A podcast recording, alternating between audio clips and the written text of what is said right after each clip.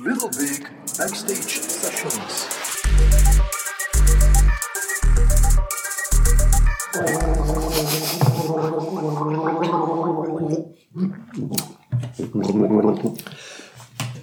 Het belangrijkste bij communi- communicatie is dat je natuurlijk een, een duidelijk dragende stem hebt ja, ja. die eh, het verschil maakt Ja. ten opzichte van alle mensen die geen duidelijk dragende stem hebben en daardoor een boodschap ehm, in het spreekwoordelijke water zien vallen dat wij juist gebruiken om de waterval van onze woorden meer kracht te geven in een zowel downwards als upwards movement en het zo ook dichter bij de, de, de decoders te brengen van de mensen die naar ons luisteren. En ik denk dat dat iets is wat ons onderscheidt ten opzichte van veel anderen die, eh, die dat niet doen. Aha. Goed. Ja, dan zie je, het is... Was eh, dat eh, tien uur, de introductie, eh, meneer De Meijer? Of. Ja, we zouden dat kunnen nemen als introductie. Dat is zeer goed, ja. Dus, Voor de mensen die nu al afgehaakt hebben, ja, dan, dan Ja. hoor je het natuurlijk niet. hè. eh, maar die Dus, gaan u dat ook niet meer horen zeggen. ah, nee, nee, nee, voilà, want ze zijn al weg, afgehaakt. Maar goed. Welkom in podcast nummer 5 van Little Big and Partners. Ehm, wij zijn ja, eigenlijk wel gedoodverfde specialisten in communicatie. Zonder enige pretentie mogen we dat zeggen. Absoluut, Ehm, absoluut. En op waarom baseren we ons? Wel, gewoon op de feedback die we krijgen telkens als we weer ergens een keynote gaan geven rond een bepaald thema. Waar dat we meestal rond communicatie werken, rond verandering, rond hoe mensen daarmee omgaan, rond emo, ratio en actie, zoals ondertussen ook al uit de vorige podcasts Ja. duidelijk gebleken is. En Tom, jij vertelde mij in de voorbereiding dat je recent alweer voor een grote organisatie een keynote hebt mogen geven waar mensen allemaal wauw van zeiden. Vertel eens, waar heb jij het toen over gehad? Wel, verandering. Dat was eigenlijk het algemene thema. De context was dat ehm, een, een trainingstraject werd opgezet rond digitalisering. En helemaal op het einde van dat trainingstraject kwam de vraag ook eh, van, ja, allemaal goed en wel, en technologie, en hoe dat we daar nu aan beginnen, dat snappen we wel, maar wat doen we met de mensen? Ja, dat is inderdaad een zeer relevante vraag, want als, eh, als je rond digitale transformatie werkt en alleen maar aan technologie denkt, dan ben je fout bezig. Eh, dus eh, vroegen ze van, kun jij geen sessie geven over veranderingsmanagement en hoe je precies daarmee omgaat? En dan, mijn eerste antwoord is altijd, tuurlijk, doen we met heel veel plezier.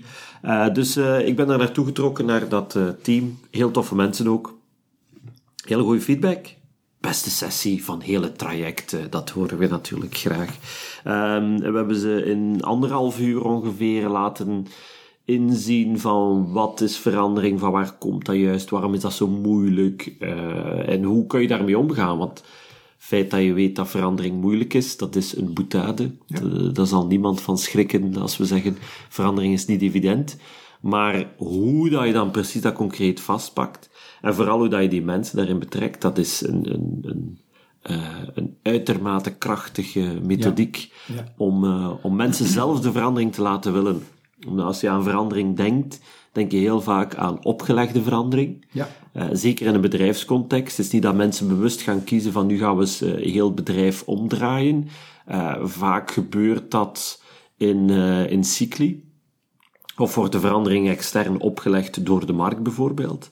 En dan, eh, dan, dan, dan zit je op een punt dat mensen het eigenlijk niet, niet zelf gezocht hebben. Ja. Eh, en dan is de vraag, hoe krijg je mensen mee in die verandering? En misschien is dat het onderwerp waar we het vandaag... Ja, lijkt inderdaad. eh, het sluit ook aan bij, bij, bij dingen die wellicht de luisteraars ook vaststellen. En, en je vertelde daarnet, zeker in een, een digitale transformatie, maar ik denk dat dat bij heel veel processen is, dat, dat het menselijke en het, het emo-aspect een belangrijke rol speelt. Ik heb dat eh, eergisteren ook nog in een sessie ehm, voor een, een eerder technisch publiek mogen ervaren, hè, ehm, waar ik ehm, ineens in de context van een verandering begon te spreken over maar waar wil je met je organisatie eigenlijk naartoe? En dan is het antwoord heel vaak, komt dat terug specifiek op die verandering. Ja, we willen dat invoeren en we willen dat invoeren en we willen dat invoeren. Dus men gaat direct terugvallen op de hoe. Maar als je dan echt vraagt, maar waar wil je eigenlijk naartoe? Wat is je bestemming? Niet hoe dat je daar gaat geraken, maar hoe gaat je zien dat je eigenlijk die verandering succesvol doorgemaakt hebt, whatever dat je doet.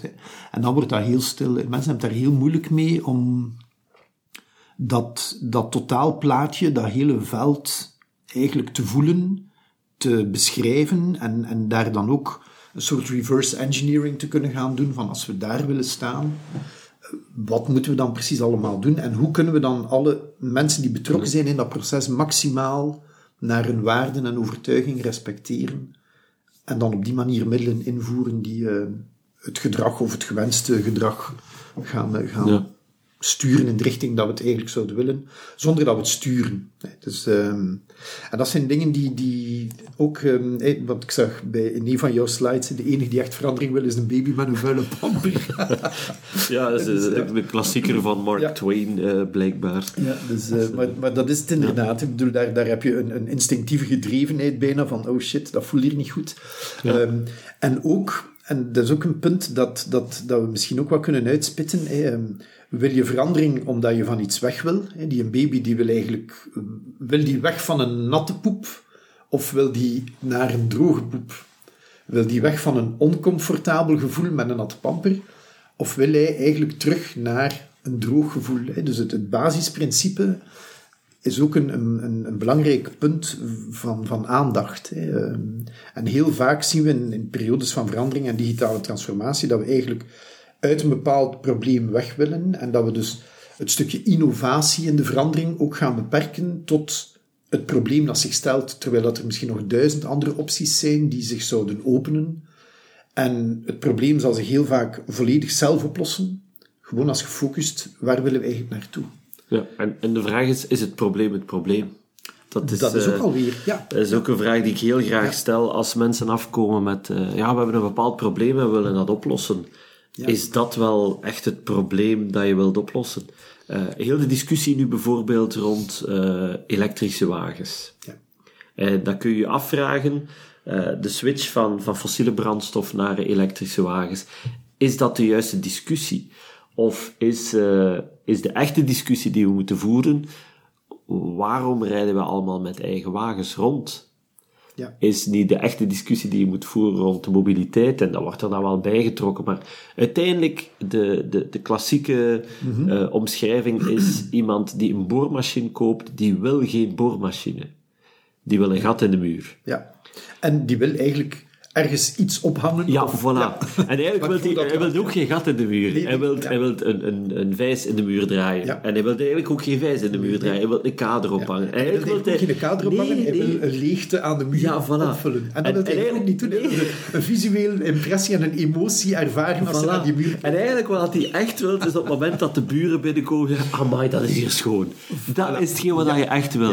En dan ga je al die stappen terug om uit te komen, ja, dan heb ik wel een boormachine nodig. Ja. En, en welke boormachine? Ja, dat is...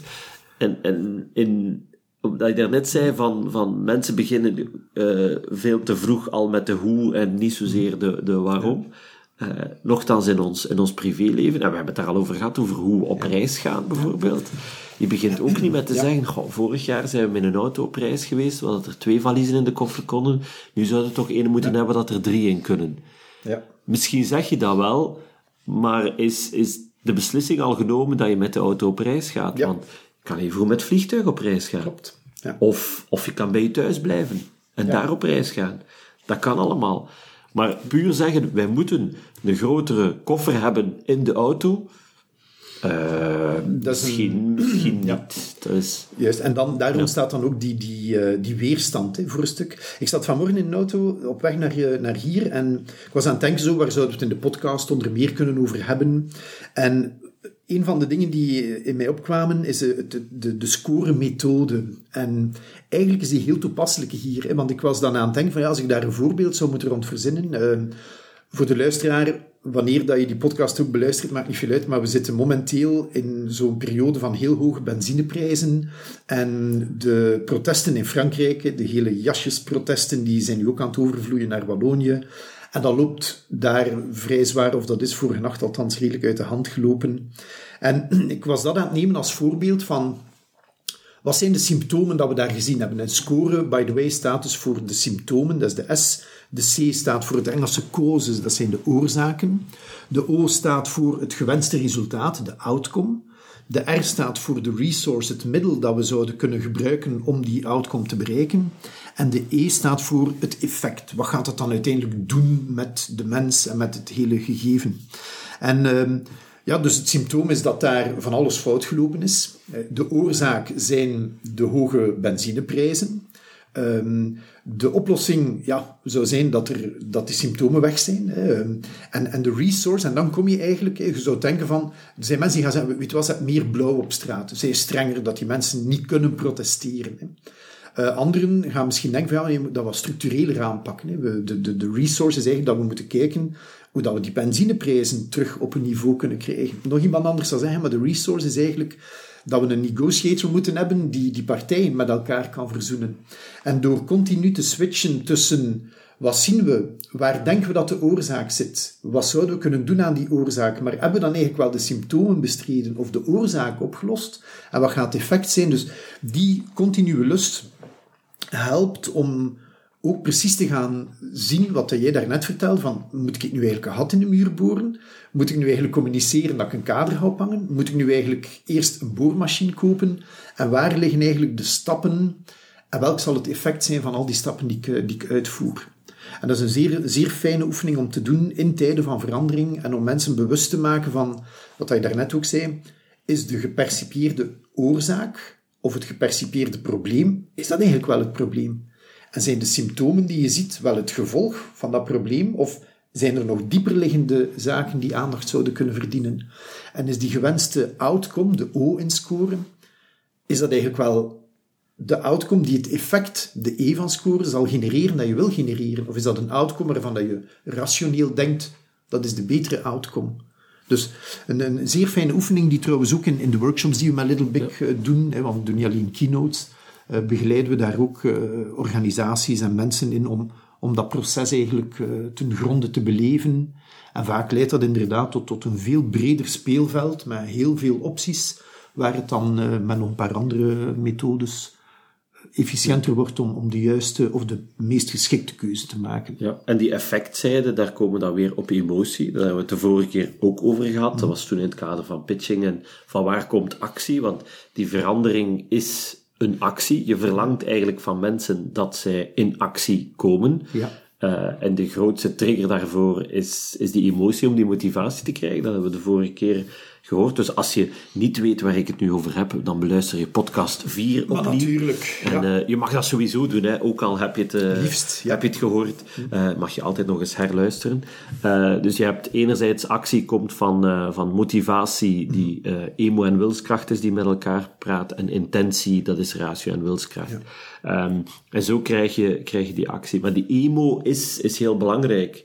En het is juist op het moment dat je die emo in de mix brengt, door over die effectzijde ja. te gaan spreken, mm -hmm. dat je mensen in actie krijgt. En ja. als jij het niet doet, komen ze sowieso in actie. Beste voorbeeld zijn nu de gele hashjes. Voilà, die ja. in, beslist hebben om in actie te komen.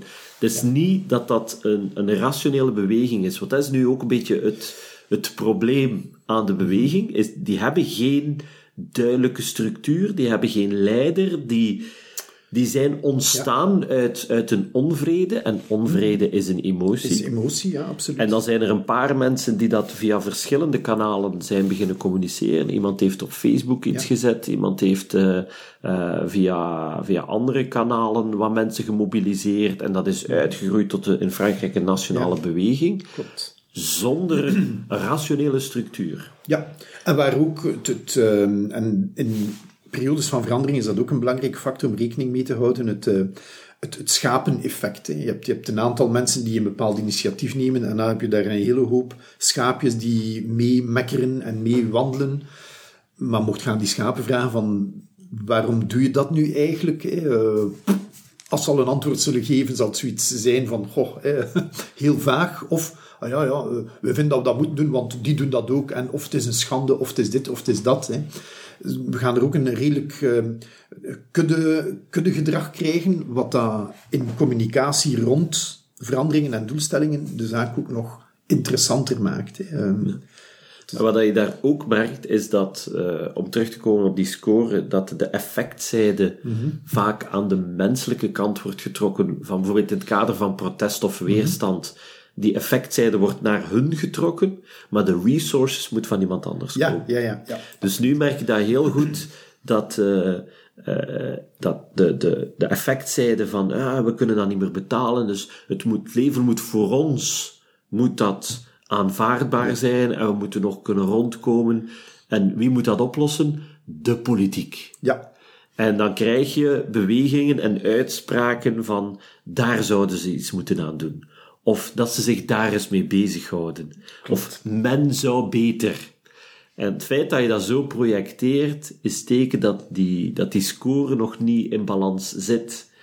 Want als je echt een, een volledig consistente scoreoefening doet, dan slaat alles, zowel de S, de C, de O, de R, de E, de effectzijde slaat op je persoonlijk, maar ook op de ander. De resource is gedeeld. Ja. Bepaalde zaken ga jij moeten aanbrengen, bepaalde zaken ga iemand anders moeten aanbrengen. Maar puur het, het, de voordelen ervan plukken en zeggen, maar het werk moet door iemand anders gedaan worden, ja, dat is eh, En dat, dat is dan een beetje de, de O hè, van, van scoren, de outcome, is eigenlijk dat, dat gewenste doel waar eigenlijk ook heel vaak ofwel vaag over gebleven wordt, of eigenlijk geen uitgesproken, zowel emotioneel als rationele value gemaakt is. Eh, Ze gaan wel zeggen, we willen dat doen, maar, maar wat dan precies? En, en aan wat gaan we dan zien dat we, dat we het hebben? En Ehm, een beetje zoals in, in, in het verhaal van Will it make the boat go faster? Hè? De medaille, de tijd die ze moeten halen en dan het hele proces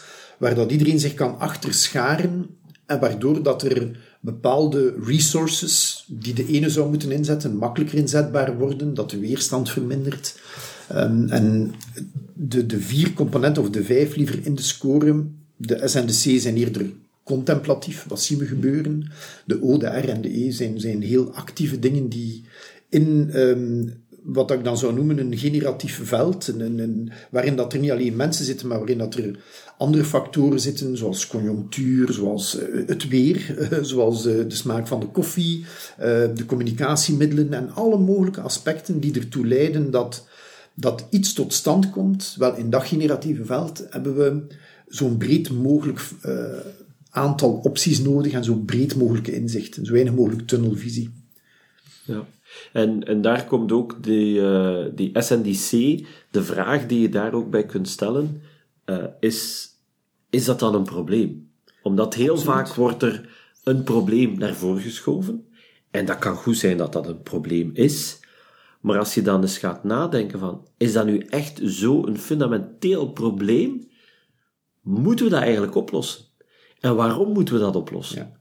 En is het waard om dan de, de, de resources te investeren om naar die outcome te gaan, om dan dat effect Ja. te krijgen? Want dat effect, daar twijfelt niemand aan dat dat belangrijk Ja. is en dat is emotioneel gedreven en alle begrip daarvoor.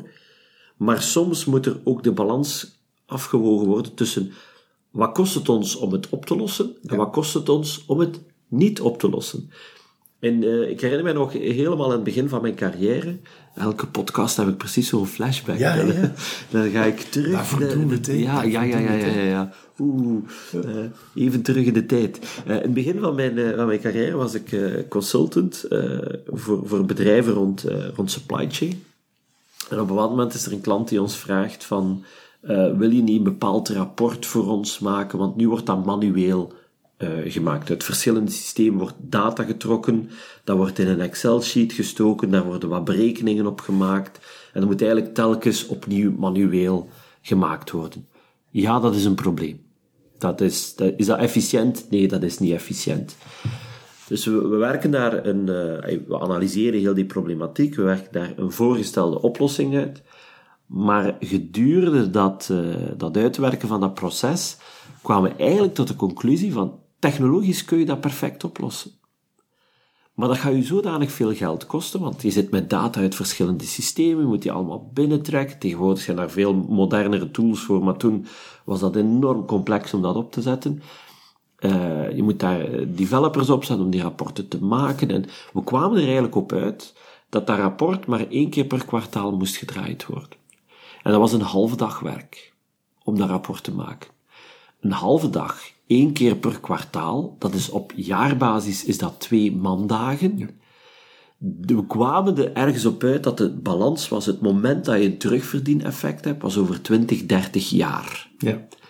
Dus de kost om dat rapport te maken, daar, daar spaarde je tijd mee uit, maar die was 20, 30 jaar gespreid in de tijd. En was ons advies, en totaal tegen de winkel van mijn baas, die dat dan ook wel gezegd heeft, maar bon. eh, Dat was die moment van die carrière switch toen. dat was het moment van... Nee, een paar maanden later, maar misschien heeft het wel meegespeeld. Dat was ons advies van... pff, Doe dat. Doe dat gewoon op, op de manier dat je het nu doet. Het is eigenlijk geen probleem. Het is een halve dag werk. Is dat plezant? Nee. Maar bijt door die een appel. Want hetgeen wat het u gaat kosten om het op te lossen... Ja. En de- als je het in die context zet, wat dat dan zeer rationeel is, hè, want dan komt aan return on investment, wat een zeer rationele discussie is, die effectzijde van het leven zal dan makkelijker zijn, maar goed, je zit toch op een bureau, doe die een Ja. halve dag, één keer per kwartaal, bijt erdoor en je hebt oplossing. Ja. En als je dat binnen die context, dat is dan framing en reframing, dat is niks anders dan dat, kaderen en herkaderen, eh, dan plots is dat, ja, als je het zo bekijkt, ja. Is eigenlijk eh, het symptoom en de vermeende oorzaak Ja. is eigenlijk goed. Hè, Ja. Ja. En in- mijn beleving, ik ga liefst en graag zo snel mogelijk uit die eh cause en symptoms. Eh, dat, dat kan, voor mij is dat de, de, de aanleiding om te beginnen spreken over verandering. Waarbij dat ik dan heel graag de nadruk zo snel mogelijk leg op waar men eigenlijk naartoe wil. Ehm, en we hebben dat vroeger in presentaties, en trouwens nog altijd, spreken we vaak over die karrensporen, waar dan mensen inkomen en dan blijven ze daarin zitten. Ehm, ik gebruik de laatste tijd ook vaak de metafoor van, van het bad, waar dat ehm, als kind, en mijn flashback momentje, Nee, je zit lekker in je bad en je hebt er allemaal speelgoedjes in liggen. Bij mij waren dat plastieken bootjes en, en, en soms autootjes en al, alles wat dat bleef dreven liefst. Hè. Want anders moest ik mijn klein kinderduikbrilletje gaan zoeken om dan in zo water, waar dat dan ook badschuim in zit, waardoor dat dan paars dat wordt kleurt wat en- troebel. Voilà. En dan heb je de hele dag buiten gespeeld, dus dat water wordt ook nog van andere dingen troebel. Eh, en dan zitten ze zo met een snorkelken zo te zoeken naar, naar de dingen eh, op de bodem van het bad. Eh, maar dan komt dat ja, pijnlijke moment van, ja, het is, het is gedaan. Ondertussen is je huid al helemaal verschrompeld en zijn je vingertjes al nauwelijks ja, ja, eh. En eigenlijk heeft dat te maken, die rimpeltjes, mijn dochter vertelde mij dat, om onze grip niet te verliezen op dingen. Ja, als we zo in het water zitten, wordt onze huid eh, glad. En dus dan krijgen we zo ribbeltjes om, als we ons ergens moeten aan vasthouden, om, om toch die grip te hebben. Enfin, Weer een die interessant weetje ja. Dus dan komt dat onverbiddelijk moment van, ja, je moet uit bad. En ik herinner mij nog dat ik dan heel graag zo de stop uit het bad trok en dan gewoon zat te kijken totdat dat draaikolkje begon. Hè. En dan had je dingen die heel ver lagen in het bad en ook dingen die er heel dichtbij lagen. En dan werd er zo naartoe gezogen en dan... En op het einde ook dat lawaai. Zo. Dus een, een- iedere keer was dat weer een avontuur en zelfs al een reden genoeg om een bad te willen nemen.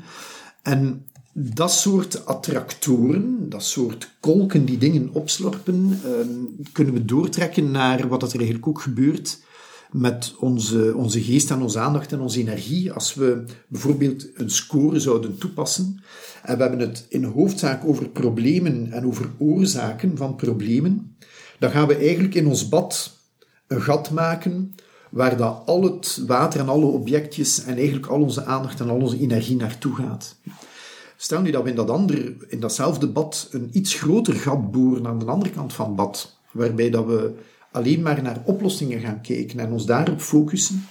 Wat gaat er gebeuren? De kans is heel groot dat het gat dat eigenlijk het probleem voorstelt, dat er zelfs geen draaikolk meer gaat ontstaan, want het water gaat met zo'n kracht naar dat andere gat getrokken worden waar dat we wel op focussen, dat eigenlijk het probleem zichzelf gaat oplossen. En dat die kolk en al de objectjes daar eigenlijk zelfs niet meer naartoe gaan gaan, omdat er gewoon geen, geen kracht genoeg is daarvoor. Dus daarom ben ik toch in, in, in begeleidingen heel vaak bezig met waar willen we naartoe. En dan zien we dat ja, 100%, niet 100 bedoel, allee, 80% van de problemen eigenlijk vanzelf opgelost geraken. Zonder dat er weerstand is, zonder dat mensen zeggen van ja, ik weet niet waar dat over gaat, eh, want ze hoeven het ook niet meer te weten, we, we gaan ergens naartoe.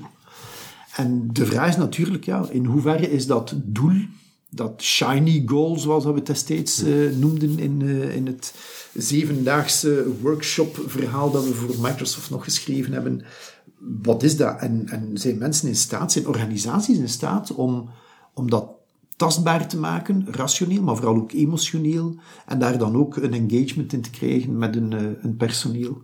Ja. dat allemaal vanuit een bad, waar je stop kunt uitrekken. Ja, ja, ja, Zalig. ja, ja. Ik zag daar een washandje in. Ah, om dat dan te blokkeren. Ah, en dan kon je zelf kiezen wanneer, daar, wanneer daar je ja. komt. Vraag me nu trouwens af, draait die draaikolk met de zon of tegen de zon? Met de klok of tegen de klok? ehm, En, en is dat effectief zo dat aan de andere kant van de wereld omgekeerd draait? Misschien moeten we gewoon puur empirisch eens naar Australië gaan. Dus als er iemand dat kan regelen, dat we eens naar Australië kunnen gaan. We willen uw logo op onze valiezen plakken. Ja, ja, ja. Maar het is, het is dus, gewoon om te weten of dat dus het water aan de andere kant wegloopt dan, dan hier.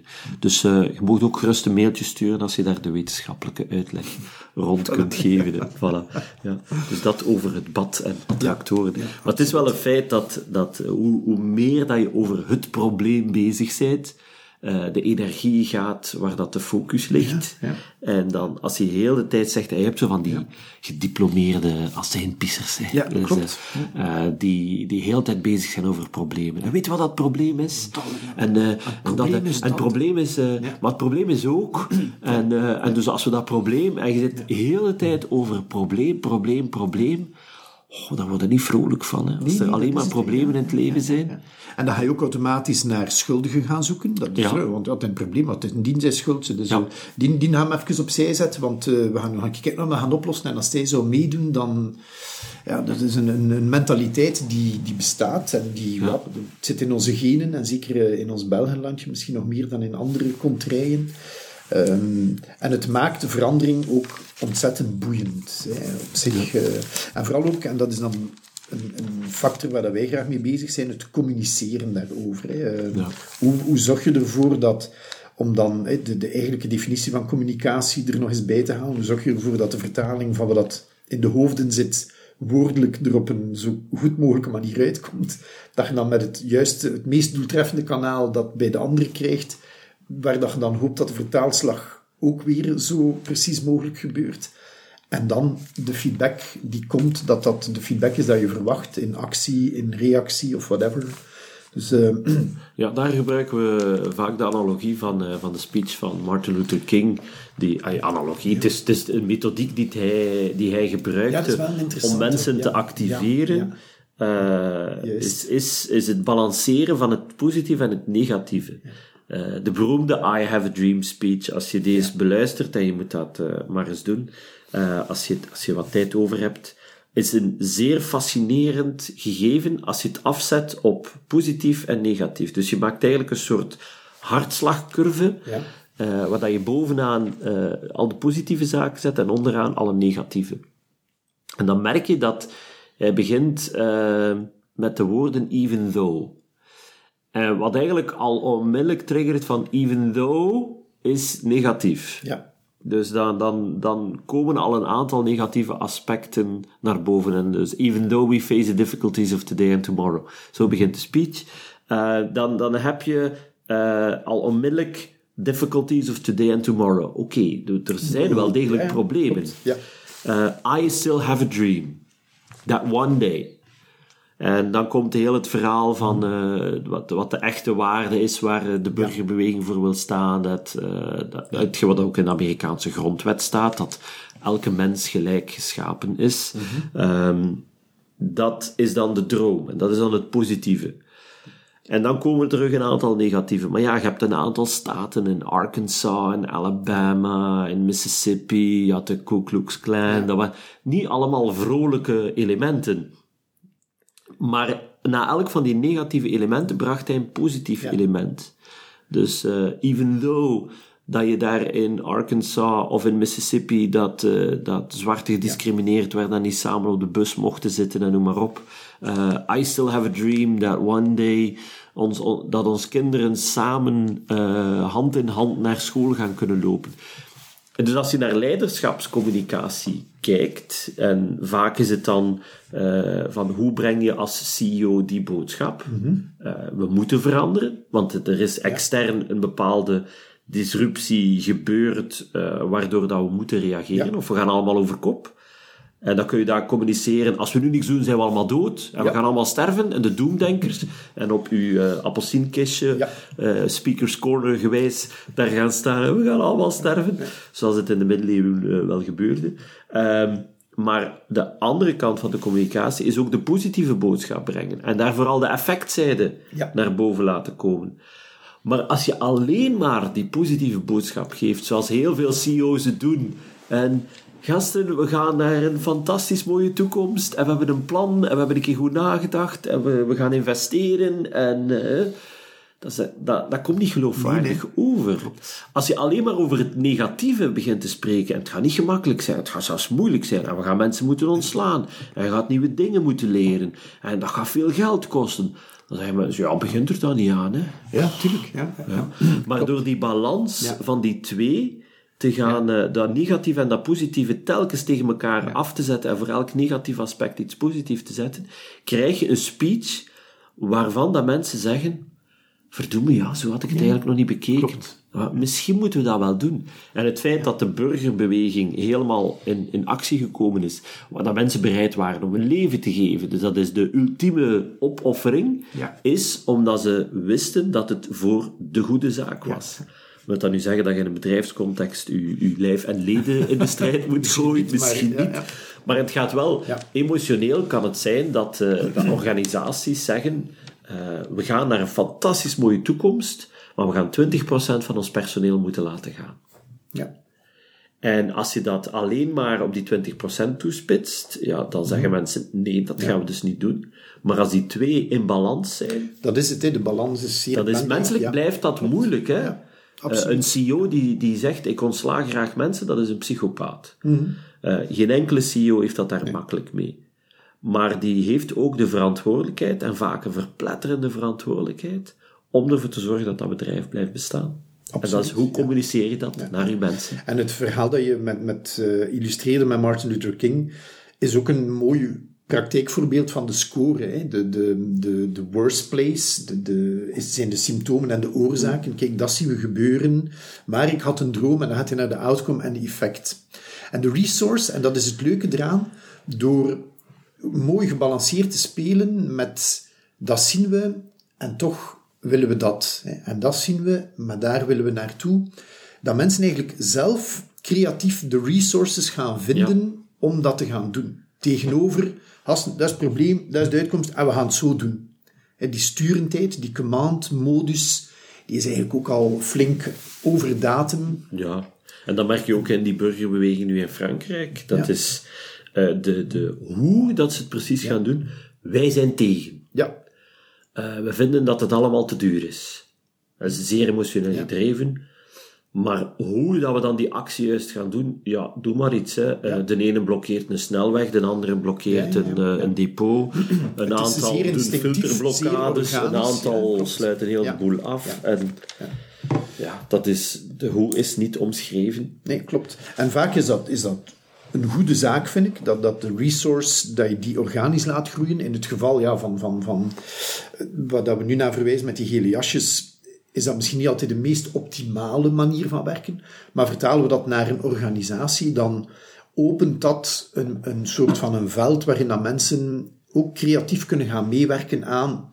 We begrijpen dat dat de situatie is en we begrijpen dat dat de gewenste uitkomst is en we voelen ook welk effect dat, dat gaat hebben op ons. Laten we nu samen kijken hoe dat we daar het beste geraken. En dan om, kunnen we dat naar de analogie met het reizen trekken ook. Hè. We weten dat hier in de winter koud is en we weten dat in het zuiden warm is. En we weten ook als we in het zuiden in de warmte gaan zitten dat we ons eigenlijk een stuk beter gaan voelen. Bon, hoe gaan we daar nu naartoe? Met een auto, met een trein, met fiets. Met, eh, en Ja. dat maakt ehm, processen en vooral verandering een stuk makkelijker. En je krijgt eh, mensen die zelf met oplossingen afkomen. En als je dan zegt, oké, doe dat dan maar. Het is hun eigen oplossing. Dus het is heel moeilijk om je eigen oplossing af te schieten. daarna. Voilà, ja. Terwijl als je alle oplossingen aanreikt op voorhand, en je moet dit en je moet dat, ik moet juist niks. Het moet juist niks zijn. Ja, hè. ja. Je mag, je kan en, Ja. ehm, ja, en je hebt er de ruimte voor. En vandaar dat we ook zo heel graag het, eh, het stopwoordje zeer goed gebruiken. hè. Eh, Waarbij dat we tenslotte toch ja, valoriseren wat de andere aanbrengt. Zeer goed. En vertel eens Ja. wat, hoe, wanneer, waar, waarom, om dan Ja. terug eigenlijk weer een score te gaan genereren en ervoor te zorgen dat, er, eh, dat het En denkproces gaande blijft. En zelfs als iemand zegt, ja, ik ben carrément tegen, ik vind dit totale nonsens, ik wil dit niet. Zeer goed, ja. Absoluut, absoluut. En wat ook zeer goed is, is dat we eigenlijk tot mijn grote verrassing alweer ruim een half uur ehm, gevuld meer hebben. zelfs. Meer zelfs, Meer. met, eh, Als je het mij vraagt, weer tal van interessante inzichten. En ehm, beste luisteraar, aarzel vooral ook niet om jullie feedback met ons te delen. eh, al was het maar door gewoon de podcast te liken of door een berichtje te sturen. Of natuurlijk ook, en dat is het, zou de mooiste kers op onze taart zijn, door ons te boeken voor keynotes of voor begeleiding in bepaalde processen. En Ja, zoals je kan dat doen via littlebig.partners, dat is de website. Absoluut, Littlebig.partners. Of eh, via e-mail, info at littlebig.partners. Ja. Ehm, een anekdote hoeven we niet meer echt toe te voegen, want we hebben er eigenlijk al Ja. een paar heel mooi gehad. Maar misschien wel nog een, eh, een empowering Ja, question. een vermogende, Een vraag. vermogende vraag. En aangezien dat we het over verandering hebben, zou ik ehm, jullie willen eh trakteren op de volgende vraag. Welke verandering, beste luisteraar, zou voor jou een echte positieve verandering betekenen in jouw leven? En waarom blijf je die toch weer steeds voor jou uitschuiven? Dus er is ongetwijfeld een verandering die je echt nastreeft, waarvan dat je weet, wauw, dit zou voor mij iets betekenen. En toch blijf ik die altijd maar voor uitschuiven en uitstellen. En dan natuurlijk de vraag, wat ga je vandaag, na het beluisteren van deze podcast, doen om die verandering dichterbij te brengen? Dat is een lange en diepe. Ja, Dus eh, laat die even bezinken als je, als je denkt van, goh, wat vragen jullie toch altijd? Eh, dat is uw rationeel gedeelte dat probeert daar een, een antwoord op te geven. Eh, eens dat Of je dat al een loslaat, of een excuus om het vooral niet te doen. Ja, dat kan ook. Laat gewoon uw, Ja. uw rationeel ding, uw bewustzijn, eh, dat proberen op te lossen. Eh, uw onderbewustzijn gaat hier ook mee aan de slag. En dan word je plots bewust, onbewust of onbewust bewust Voilà. dat, je, dat je onbewust bewust bezig Ja, bent. en dat kan- op zich ben je dat kan daar... nu al bezig zijn terwijl dat je aan het is- luisteren bent, maar het kan ook zijn dat dat morgen gebeurt, of misschien dat je dat al meegemaakt hebt gisteren voordat je de podcast beluisterde. Wat jou misschien ook aangezet heeft om de podcast dan uiteindelijk te beluisteren, om dan de bevestiging te vinden van een proces dat je eigenlijk al meegemaakt Ja. hebt, terwijl anderen misschien dat proces nog zullen meemaken en misschien ook gewoon nooit zullen meemaken. Ja, en zich daar niet is- bewust van zijn dat ze onbewust zijn, of wel bewust zijn. Het is niet omdat je niet bewust bent dat je onbewust bent. Dat Maar is alles bij elkaar is dat zeer allemaal zeer goed. Bedankt eh, eh, om er alweer bij geweest te zijn. We kijken uit naar de volgende. En ondertussen, live happy lives. Bye! Ciao. Backstage Sessions. Thank you for listening